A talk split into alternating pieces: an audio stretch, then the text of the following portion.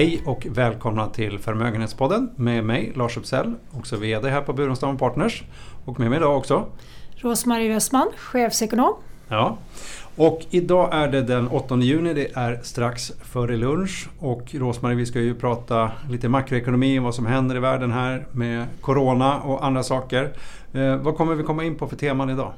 Det viktigaste kanske är de här stora stimulanserna. Vi har ju sett dem pågå här under våren men de rullar in fortfarande i eh, allt högre grad skulle jag säga. Eh, och inte minst förra veckan här från Tysklands sida.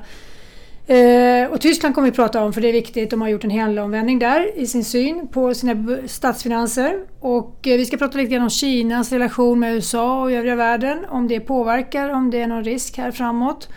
Och vi ska även kommentera lite grann kring eh, Storbritanniens val här när det gäller ett nytt handelsavtal med EU. Ska vi börja med ja, börsuppgången har vi här nu och till följd av eh, kanske Tysklands helomvändning.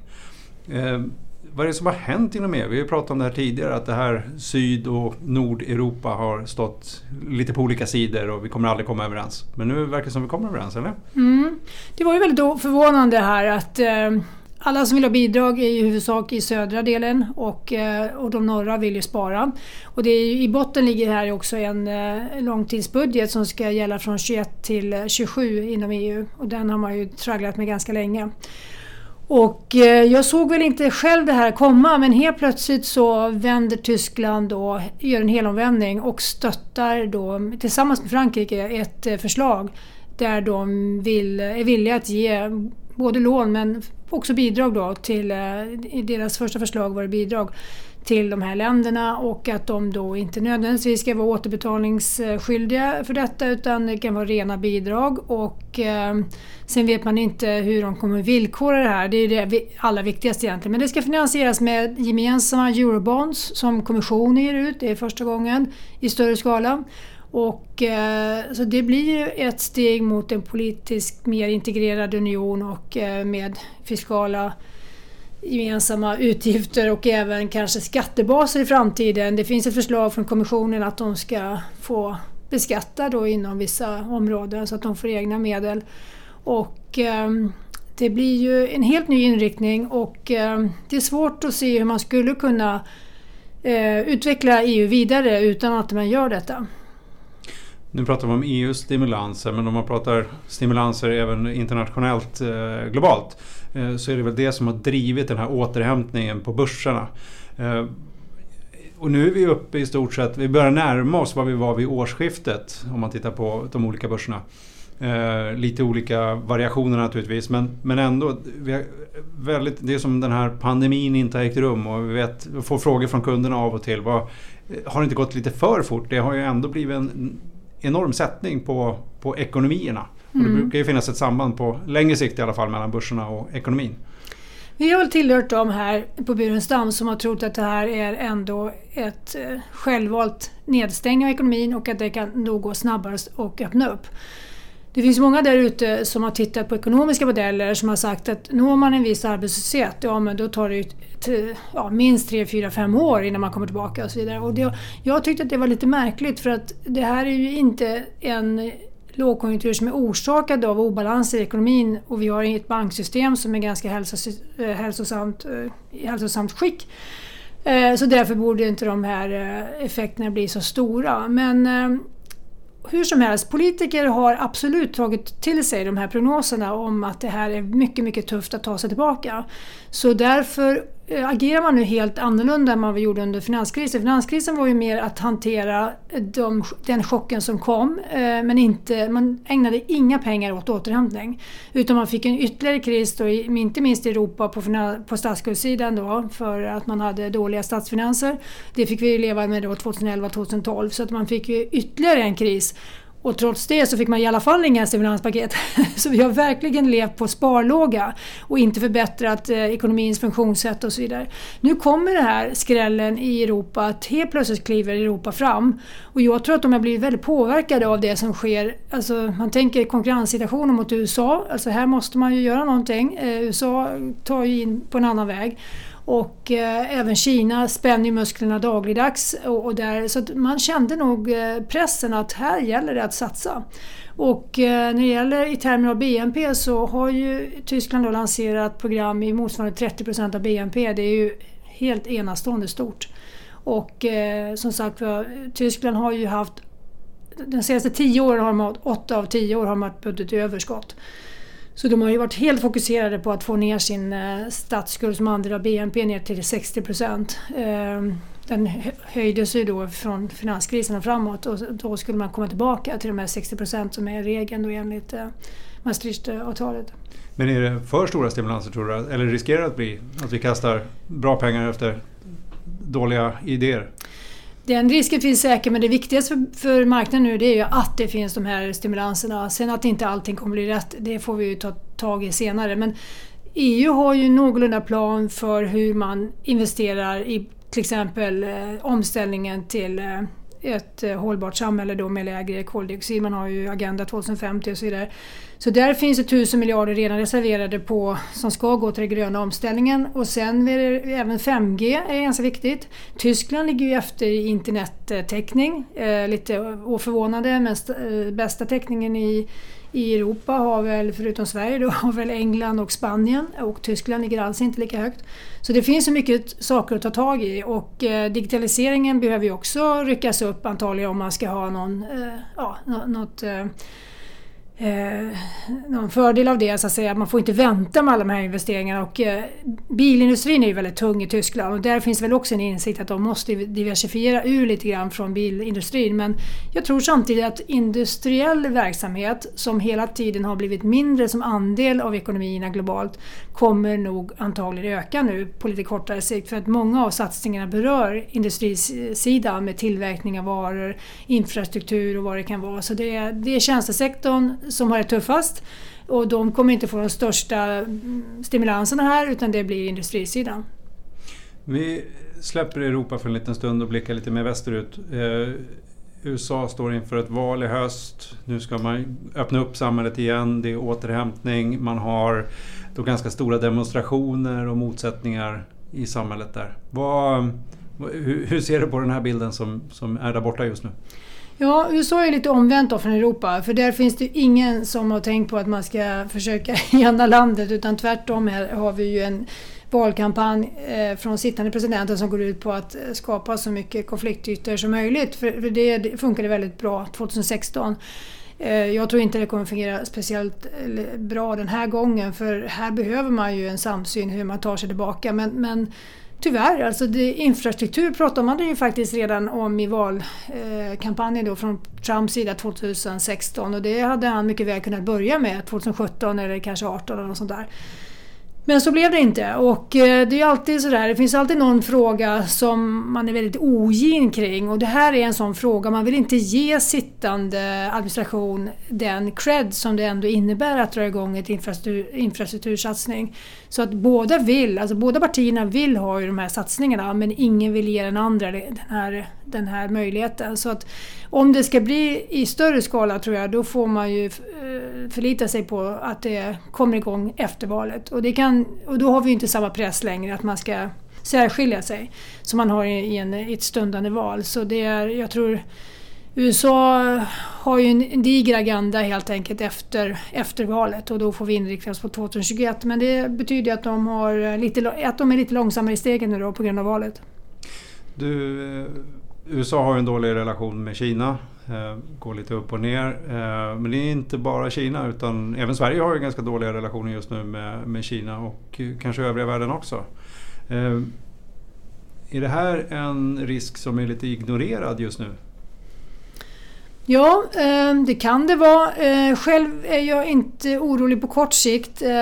Jag förstår ungefär dynamiken kring det här nu, att man måste återigen höja ribban för Kina. Och eh, om man inte gör det så kommer de dra fördelar som de inte kan, ska ha eh, och bör göra. Och de har redan flyttat fram kan man säga sin agenda när det gäller Hongkong då, eh, vilket många tycker naturligtvis är beklagligt att de har då adderat nya säkerhetslagar i Hongkong. Och det har ju England varit tvungen att reagera på eftersom de har det här eh, övergångs eh, avtalet där då de ska helt och hållet övergå till, till Kinas eh, eh regi, alltså regim eller till deras eh, eh kontroll sedan 2047 är det ju tänkt att det ska vara fullt ut då transfererat över till Kina. Men, men, eh, så att England är väl den som har störst anledning att reagera. USA har ju redan lite sämre relationer. Det gynnar tror jag i valkampanjen att man utmålar Kina som ett hot. Och eh, de är ju ett ganska konkret hot. Eh, deras ambitioner i Kina ju, har ju verkligen eh, ökat de senaste åren, inte minst militärt. Så behovet finns ju att sätta upp någonting mot Kina och Hongkong blir ju en lite, liten lättare fråga för, för övriga världen att enas kring. För alla har inte samma syn på frihandel. Det är inte alla som vill följa i USAs spår att man vill begränsa med tullar och så vidare. Då, då, då frånträder man WTO-regler och annat. Så att EU har ju någon form av mellanläge här där man kommer... Eh, jag tror att hävstången kommer bli väldigt, väldigt stor. Om, om USA får stöd från både England och eh, Europa så skulle det vara väldigt eh, starkt så att säga. Då skulle man få någonting att hända där borta. Men, men EU har ju också den mest att vinna då kan man ju säga å andra sidan på att ha kanske relativt sett de bästa relationerna som kvarstår då mellan, mellan block så, så kan de ju vinna på Mot det. Kina tänker du? Ja, ja. Det kan bli en väldigt bra sektor. De kan bli gynnade på den inhemska marknaden i Kina av att de då inte är lika tuffa som kanske England och USA är. Men eh, ja, man får hålla det här under eh, stor bevakning för att eh, det är ju till syvende och sist det här man vill delta från europeiska bolags sida i deras marknadstillväxt helt enkelt. I Asien är ju alltså all eller mycket av den ekonomiska tillväxten kommer ju ske i Asien. Så det, det kostar ju på att, att inte kunna delta i det. Så det har ju ett pris. Eh, så det kommer vara en balansgång helt enkelt. Och jag tror inte att det har ju visat sig med de här tullarna i USA att det var ju kanske amerikanska ekonomin som, som ändå fick en sämre tillväxt på grund av de här tullarna. Så man kommer nog, det ekonomiska priset får inte bli hur högt som helst. Vad är de största riskerna med, med Kinas framfart som du ser det? Ja, det är ju att man skapar eh, Ehm, alltså det är dominansen helt enkelt. Alltså vem blir riktigt, riktigt dominant på artificiell intelligens och så vidare. Det är väl det som är det mest skrämmande. De har ju redan ett, eh, ett eh, vi tror i alla fall ett, eh, ett försprång här nu då när det gäller ansiktsigenkänning och sådär. Så de, har ju byggt upp sådana enorma system och det är största landet med störst befolkning, inte störst ekonomi ännu, men har ju också största mängden data. Så ehm, det gäller ju att hålla jämna steg med detta. Och den här datalagstiftningen, GDPR, det är ingenting som gäller inom Kina va? Nej, det kan man väl hålla med om. Men de får ju i viss mån då anpassa sig även de då när de, när de opererar på europeisk mark. Men mm. det är, eh, man vet ju aldrig hur snabbt det kommer. Alltså de, de säkerhetspolitiska, geopolitiska riskerna det är ju Hongkong och det är även Taiwan. Så det, det, är ju de första och där tror jag inte att det går att sätta emot. Men eh, man, kan, man ska inte låta bli att försöka. Tillbaka lite grann till den här återhämtningen. Återhämtningen har ju gjort att vi pratar om börserna har stigit men vi har också pratat, eller tidigare pratat om hur kraftigt eh, säga, kreditmarknaden, eh, speciellt för lite tuffare företagskrediter, att eh, ju högre risk ju, ju, mer har spreadarna så att säga gått isär. Det vill säga att man tar mer betalt för att hålla den typen av krediter. Men nu har vi sett också att de långa marknadsräntorna har stigit lite grann till följd av det här. Eh, och eh, skulderna ökar i världen. Kan, kan det här bli en broms? Och på sikt har vi pratat också om inflation och risken för markant högre räntor och då när många länder har dragit på sig skulder. Eh, hur ser du riskerna på det här både på kort och lång sikt? Mm, det var en stor fråga. Eh, kanske ska dela upp den? Ja, i närtid är det så att eh, eh, kapaciteten hos centralbanken är väldigt stor nu för att hjälpa till att köpa statsobligationer. Det kan man ju säga är en förtäckt finansiering av, det, av de här statsskulderna. Och jag tror aldrig man kommer in i det här utan att man kommer sälja ut de här obligationerna igen. De, de köper ju långfristiga men inte kommer de säljas utan de kommer då förfalla. Eh, när de förfaller så kanske man inte förnyar de här lånen men, men vi, det, vi pratar om ganska långa cykler på detta och eh, det är klart att eh, Budgetunderskotten kan ju inte vara på, på de här höga nivåerna som blir fallet nu 2020 i speciellt eh, ja, i längre, på längre sikt utan man måste ta hand om eh, helt enkelt budgetsaldona sedan 2021 och framåt. Eller i alla fall i slutet på 2021. Och, eh, men, men, så de tar hand om mycket om det här utbudet. Så man behöver inte vara så orolig att det inte ska finnas investerare till de här eh, väldigt, de är väldigt lågavkastande, inte minst i Europa. Då. Eh, och vi ser att spreadarna till exempel mot Italien då eh, ligger igen väldigt, väldigt lågt och så. Så, så att det finns en... Eh, ja, marknaden är inte så orolig för det på kort sikt helt enkelt. Då. Sen om vi ska få högre, högre räntor eller inte, det har ju egentligen bara med inflationsutvecklingen eh, att göra. Och då behöver inte den faktiska inflationen stiga utan det är förväntningarna om inflationen. Det räcker för att man skulle få en uppgång då.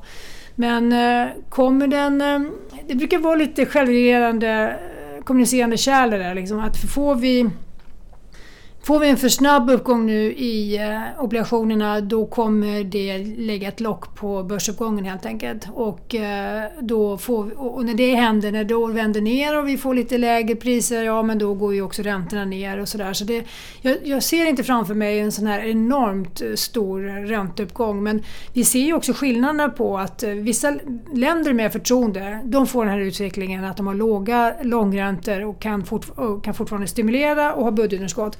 Det ser vi inte på vissa tillväxtländer som eh, i eh, Latinamerika.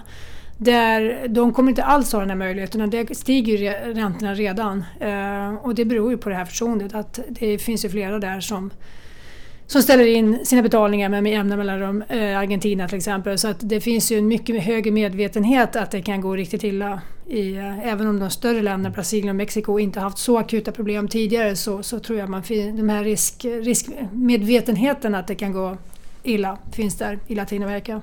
Och de är också väldigt drabbade nu av Corona precis nu då med den största ökningen. Vi pratade lite grann om England och relationen till Hongkong och mm. Kina där. Men eh, England eller Storbritannien har ju också drabbats hårt av Corona och man är väl på väg ut ur EU. Man har en, eh, liksom en eh, ja, ett, ett avtalsförhållande som gäller fram till årsskiftet och nu står man inför om man ska förhandla om det här i och med att det har bromsat upp lite grann i den här coronasituationen. Eh, det här skapar naturligtvis återigen osäkerhet för alla företagare och entreprenörer i, i Storbritannien. Är, är man beredd att liksom skapa den här osäkerheten igen eller kommer man stå fast tror du? Det finns bara osäkerhet i alla alternativen kan man säga för England. Eh, om de förlänger det här så att de begär mer tid eh, då från eh, årsskiftet så kommer ju det i sig förlänga den här perioden där man inte vet vad som gäller. Och skulle man välja nu att inte begära förlängning, för det måste ske innan juni är slut här, och ehm, ja, då kommer alla undra, kommer man verkligen hinna med att förhandla fram ett, ett avtal? För det ska ju översättas på massa språk och det ska tas en massa olika parlament runt om i EU och så vidare. Så det, det, det går ju inte att sitta till kvällen innan deadline här, utan här måste det vara lite mer framförhållning. Och eh,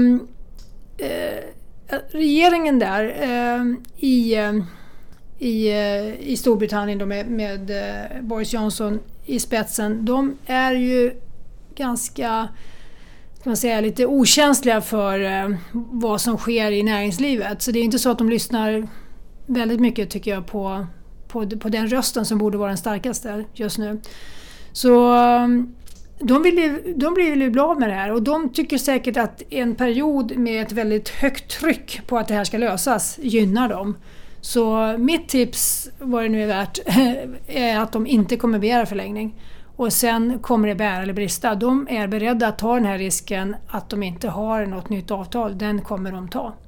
Och eh, det blir väldigt brutalt eh, ty tycker jag för, för näringslivet men jag tror att de utsätter sin egen ekonomi för det. Det får bli slutorden för idag. Eh, vi tackar er lyssnare för att ni har varit med och lyssnat idag. Och vill slå ett slag för att gör det på en gång om ni inte har gjort det tidigare. Gå in på burenstam.se och titta där på insikt så kan ni läsa artiklar. Men framförallt prenumerera på vårt nyhetsbrev så får ni intressanta artiklar från både Rosmarie och andra direkt i mejlen. Tack för att ni har lyssnat och på återhörande längre fram.